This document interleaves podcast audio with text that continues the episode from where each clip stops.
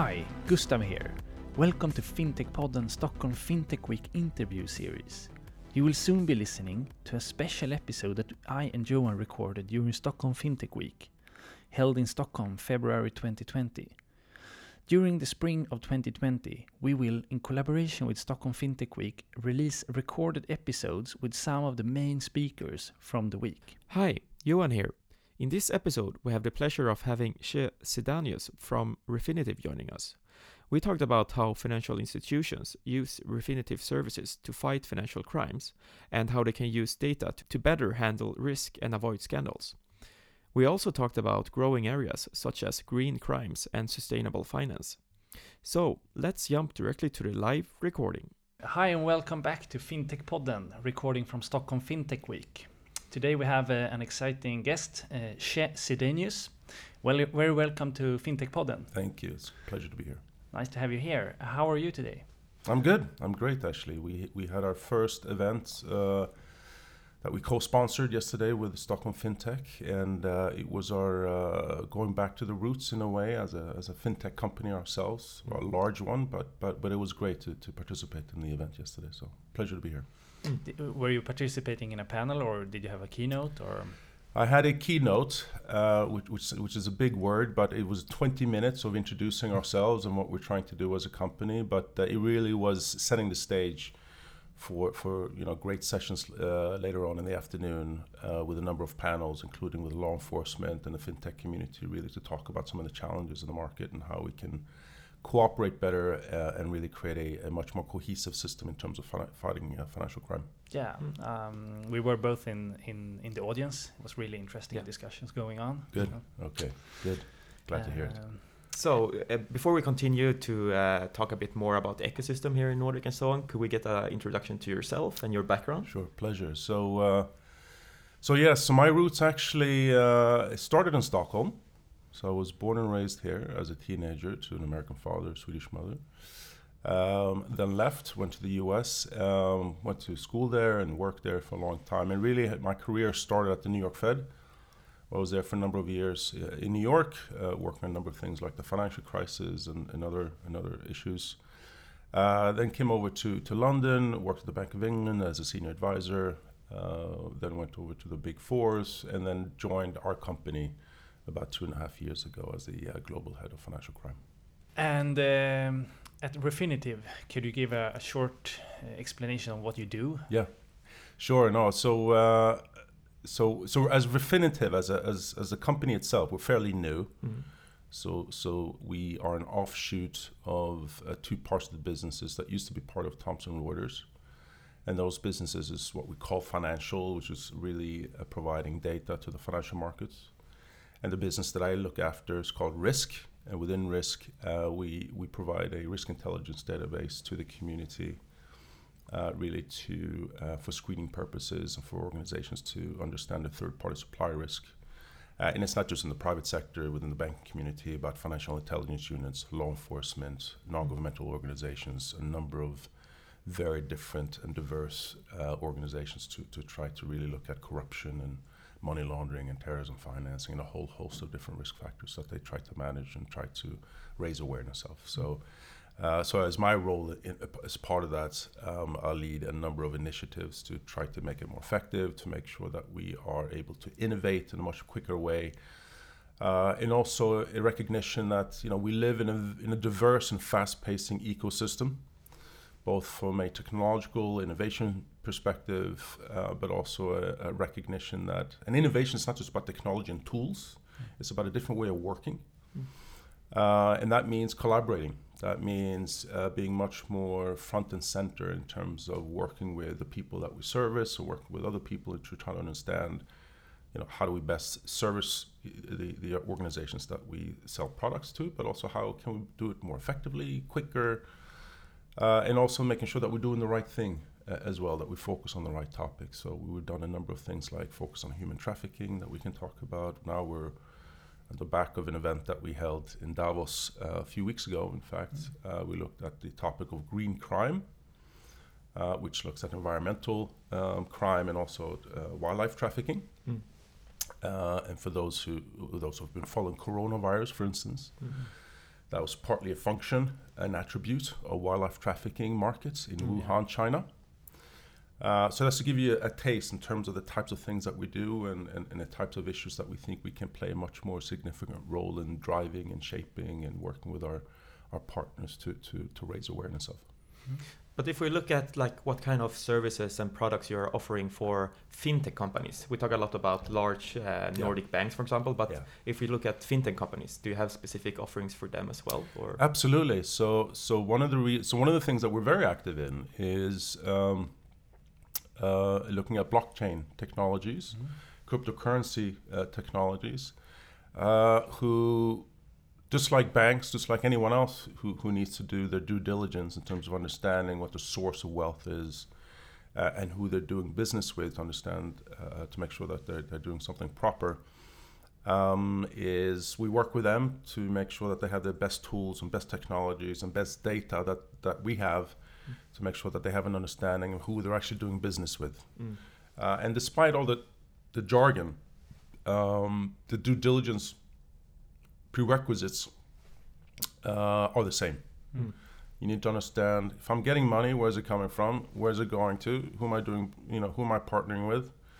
So whether you're, you know a small fintech company or a big fintech company like Apple, they need Mm. to understand who their third-party supplier is in sub-Saharan Africa, who's extracting cobalt uh, from from from an area of the world to make sure that they're not you know running some kind of sex trafficking ring on the side. So so uh, so for us, we're technology neutral from that perspective, but that's that's our uh, commitment, Mm. and, and uh, for us being here is, is really helping Mm. uh, and partnering Mm. with, with a lot of technology companies to make sure that they're, they're they can be here for another 170 years that we, as we have. Do, do you see that, uh, like when we talk about cryptocurrencies and blockchain, that there's a, a race in, in how you use them for for bad purposes? Yeah, no, it's an excellent question. So, so um, as was discussed uh, yesterday, that as a proportion of of total money laundering cases is very small. It's only about two percent that's attributed to, to, to money laundering, um, but it's it's it's it's um, it's increasing quite rapidly. In Mm. fact, uh, and what we've seen is that the preferred um, criminal vehicle of choice for cryptos is is fraud. Hmm. Um, and and 2019 was known as the the, uh, the you know the year of the fraud and the year of the Ponzi scheme, uh, uh, Mm, if yeah. you will. So, so I think this is a, this is a, an awareness raising issue, both for people who invest in it, because at the moment it's more of a speculative asset rather than a, a alternative asset compared to the fiat currencies. Uh, uh, and of course, you know, a lot of people who may not be aware of, of, of the risks of some of these business models and who are doing it for investment purposes, uh, it needs to be ge- uh, general awareness raising in terms of making sure that they understand who they're doing business with. And same thing for the cryptocurrencies themselves to make sure that they, they're aware and they have the best tools and technology to, to, to protect the integrity of their business, really, because as, as quickly as you can start a company, you can also very quickly disappear from the market if you're deemed to be uh, you know, being a vehicle for, for, for bad behavior and bad purposes. Mm. Um, and you said before that uh, yesterday you had your main day here at Stockholm FinTech Week. Could you elaborate a bit about your collaboration with Stockholm FinTech Week? Yeah, so so this is our first time that we have co-sponsored uh, an event with Stockholm FinTech, and, and we're excited to do so, uh, and, and I hope that we, we will continue to do so. Um, and, and more specifically, we, we shaped the agenda for yesterday, which was a fantastic title, I have to say. I had nothing to do with it, but it's called The Dark Side of FinTech. uh, which is a great title, um, uh, and it really is to raise awareness of some of these issues that we that we spoke about. So, so uh, both from a planning perspective, inviting guests, inviting speakers, um, our team has been very much involved uh, in that, and, and we're hoping to, to continue that collaboration in the, in the future. So if we we have talked about a, a lot about fraud and how we can use data for that, but can we go a deep? Uh, uh, can we do a deep down into how your customers use the data? Yeah. Like in what way do Sure. they use it? Absolutely. So, um, so if you look at the whole risk framework that organizations use when they onboard either customers or partners, when they look at the transactional behavior of their customers or their partners, uh, to make sure that do ongoing screening uh, as as as rules change, but also sanctions lists change. Uh, and then also the, that that then helps them create a risk ranking and risk profile in terms of not only jurisdictions that they operate in, but also the types of customers that they deal with. Uh, so we provide data for all of those purposes, right? So to be very concrete, uh, one of the highest risk categories for any organization is to make sure they're not dealing with someone who's on a EU sanctions list, Mm. uh, which have you know detrimental consequences to your business. Mm. Uh, so they need to make sure that they continue to screen Mm. uh, against that, which is, which is a list that changes all the time. But that's just one uh, sanctions authority. There's 65 of them Mm. Around the world? around the world, Mhm. right? There's 700 sanctions lists, Hmm. all with their different naming conventions, right? So Che Sidanius can be Sedanius Che, Stefan Che, Che, you know, it can be Yeah. uh, in 65 different languages, by the way. Yeah. So it's an incredibly complex thing to manage. So instead of organizations building a factory of analysts that we do, Mm. that we have, uh, they decided to outsource it, it's, uh, outsource that, that functionality, that capability, so they can focus on the things that they are good at, which Mm. is you know, you know focusing on their, the business, the, the Mm. types of assets that they have. So that's why companies really use us because it's a very complex thing to do, and that's Mm. just one example of sanctions. There are a whole multitude of different regulatory regimes that companies who operate globally need to meet, um, and, and managing that uh, and ama- also managing the data Mm. of that is, is very complex. So so that's uh, that's to give to be. I can be get more concrete, but I, I, I assume that I would probably lose half of your audience. Uh, we, we can keep that for a special episode. exactly, but that's to give you a flavor of, Yeah. of, of why companies use us and, and why it's so important.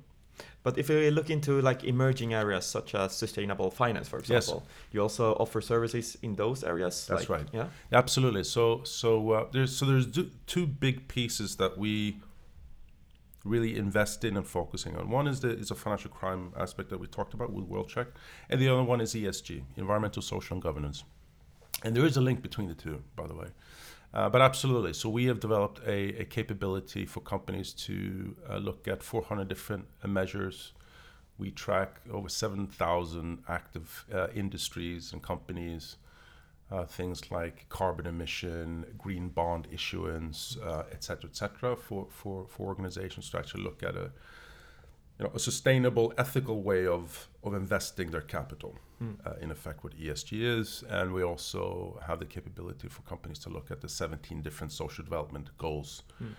uh, issued by the United Nations to, to track to track those aspects, including you know um, infrastructure investments. Uh, that you know that China, the, the Silk Road uh, investment in the U.S. have Mm. done with their Blue Dot initiative. So uh, so yes, we, we have a big focus on that as well. Very interesting. Here and here in the Nordic area, we have had uh, some scandals Mm. uh, at the bigger banks with anti-money laundering. Um, do you think that could have been avoided, or what do you think is the, the, the reason behind this? So this is an excellent question. Um, so yes, it could have been avoided, and I think it's a function of a number of things: Mm. cultural, Mm. and also um, technical. And Mm. I'll explain what I mean by technical. And I, now I'll speak as a as a as a as a fellow Swede. Mm. Yeah. That one of the wonderful things about this region of the world is that it's built on trust. Less verify, more trust. And I think that a lot of Scandinavian banks, which is a function of culture, Mm. uh, has been too naive Mm. uh, in terms of understanding its place in geography. Now, for those who are old enough to remember uh, that you know the, the Baltic Oceans used to be uh, you know the playground for Russian submarines, Mm. right? So, so I think Scandinavia has been a playground for for, for criminal actors for a long time, and we've just been, been naive about it. Now, from Mm. a banking perspective, same thing. Mm. Uh, and a lot of Nordic banks have been very active in the Baltics, right? 60% of, of, of the Baltic assets is actually owned by Nordic banks. Uh, and they have been uh, laundering machines for, for a number of years. So, so this is not a new thing. It's just as it become a, it's becoming the issue around money laundering has now have the there's more political awareness and social awareness around money laundering, I think, than it, than it has for a long, long time. Uh, so that's a cultural aspect. The technical aspect is really around how banks use data to really understand the types of businesses that they're involved with, the types of branches who they own, mm. uh, and what data they use to really get under the hood of, of some of these money flows. Now, some of these or, some of these branches uh, have been specifically designed in a way, and I'm not talking about the the Nordic banks in particular, but I'm thinking of other banks like ABLV, for instance, that were specifically designed to avoid Russian sanctions regime. Uh, so, so, and I know that you know a, few banks uh, did not do the due diligence on understanding not just know your customer, but know your data provider, mm-hmm. which is as important mm-hmm. in understanding the types of information that they get to make sure that the quality is there, that the comprehensiveness is there, um, uh, and, and and I would suggest that some of those aspects probably have to be relooked at as well. Mm-hmm. I try to answer that in the most diplomatic way. but, uh. nice. But if we look into like different fintech initiatives you have, could you describe some of your initiative at Refinitiv within like focusing on maybe smaller uh, companies or new emerging um, areas? Yeah. So. Uh, until uh, well, I'll mention one specifically that we're about to launch well that we're going to help to launch and then i'll talk more generally about some of the companies that we're working with here in scandinavia. Uh, so one one fintech company that we are helping to launch uh, or supporting to launch we are not launching but we're supporting is is called the freedom seal. Freedom seal is was started by a woman called ronnie hong uh, who uh, to focus on human trafficking. She was trafficked as a child herself. She's quite an extraordinary woman uh, started an organization called Ronnie's Voice to raise awareness of, of, human trafficking issues, which, by the way, is more prevalent now than was, when slavery was legal. Mm-hmm. Uh, to launch a product called the Freedom Seal, which is a certification process where corporates can look at their third party supply chain to make sure that uh, none of their products and services uh, were, were touched by, by modern day slavery. Mm. Uh, so, so that is a new launch that will that will hopefully will help her uh, to market here in the Nordics or Europe? That's global. Global. It's mm. a global. It's global initiatives. Uh, within Scandinavia, in particular, we're working with a with a number of, of crypto firms. Mm-hmm. Um, we're still going through negotiations, so I can't get into mm-hmm. until all that's finalized. But but but again, you know, we we are we are we are committed to partnering with um, whether helping to you know to, to promote to, to partner with from a data perspective, data partnership perspective, reselling, mm-hmm. distribution uh, perspective to work with anyone that we think has has promise. Uh, so, so which is one of the reasons why we're here to kind of identify, you know, some opportunities for them and, and for us. Mm. And, and, crypto firms, that's like exchanges or. That's right. Yeah. That's right. And also um, data analytical companies. Yeah. So you have for those who, who are in this space, there's a company called Chainalysis, for instance. Yeah. Mm that actually looks at the analytical capability to make sure to understand mm. where the risk potentially are as a, as a as a form to make sure that we're all aware of of, of potential risks uh, and so they did a piece of work for instance to look at um, so yeah so the, the, the, piece of research on the Ponzi scheme the 2019 mm. as a year of the Ponzi scheme was a function of some of the research that they did mm-hmm. And what they uncovered is that uh, exchanges are still the preferred vehicle of cho- choice to off ramp uh, illegal uh, yeah. proceeds. Uh, so, so absolutely. So we work with organizations like that as well. And you also have an initiative called Refinitiv Labs. Yes. Yeah. Could you go into that? Yeah, sure. So, so uh, the Innovations Lab is, um, as we spoke about before, it's it's a it's a it's a unit for us to accelerate our speed to market. Mm-hmm. Uh, I think historically we've been uh, quite uh, in, uh, introspective in terms of understanding where the, where, where the, you know where the opportunities are, but we're looking to accelerate that. So it's everything from you know how we can help uh, law enforcement to give them the analytical tools to be able to spot uh, the the criminal networks, mm. to work with regulators to kind of bring to bear the information they ha- they have uh, and the information that we have to, to provide them with the tools in, in, a better way. And the same thing with, with the Green Crime Initiative to be able to look at our data assets in a, in a more innovative way, if you will, uh, and bring that to market and working with United for Wildlife Trafficking mm. organization, as I mentioned, and other organizations to make sure that we give them the tools that they're looking for. Mm. So the innovation Lab are all those data scientists that make it happen. Mm. Uh, so, uh, so yeah, no, we're excited to work with them. And this area, green crime, like what type of actors are most interested in this area at the moment? Like what type of customers comes to you and ask for tools to be better in this area? Yeah, wonderful question. So, so it's actually the banks. Mm. It's actually the banks, um, and and some of this has to do. So, um, some some of you may know that there's a group of the large banks, the correspondent banks, um, are part of a group called the Wolfsberg Group. The Wolfsberg Group was started in Switzerland, uh, but it, it, it was a it was a, it was a way for the, the large banks to really get together and understand, you know, how can we look at different processes, procedures for for for us to to to promote a better way of looking at compliance and fighting financial crime because correspondent banks are key nodes of the financial system Mm. right they are the vehicles for regional local banks to get access to the euro funding market the dollar funding market and correspondent banks are the the nodes in the nervous system Mm. uh, so they are the ones who Mm. actually came to us Mm. and said, you know, we really want to focus on, on environmental crime and green crime. Mm. Uh, and of course, that, that was a function of, of a few, you know, incredibly, you know, individuals within that. Um, one of them was called John Cusack, who was a bit of a legend in our industry. Um, and other, you know, really important leaders uh, in the financial services industry who's been pushing for this. Um, so, so we are, you know, now working with them quite actively. In fact, we have a call this afternoon with our CEO David Craig and John Cusack and some of the others in terms of how we can best collaborate. So, so that is a, uh, and I think we we can, as a data company, we we have the data, but then the question is, who else can we partner with from a data Mm. perspective to to enrich our, our, our data source and so we get our information, not getting into too technical, but we get all the information from open source. There's nothing secret about it. Mm.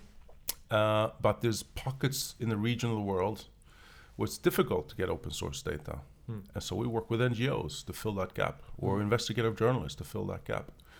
Uh, so there may be opportunities there for us to work with organizations to, Mm. to make sure that we, we, we shed as much light on this issue as we can.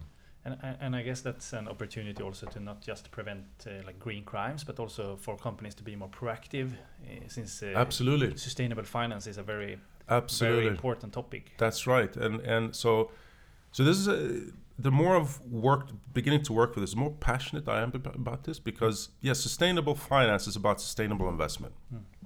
for investment purposes for for ethical reasons. Green crime is a bit different slant. Um, it's a, it's putting sustainability from a criminal perspective. In fact, Europol and Interpol themselves have put the concept of green crime or environmental crime more specifically as one of the top th- you know top objectives to address Mm. why because it gets into that uh, the, the degradation of our environment poses a security threat Mm.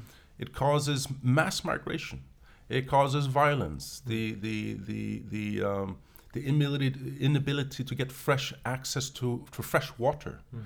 can cause conflict Mm. the International Criminal Court even considered putting what we call ecocide alongside genocide. Hmm.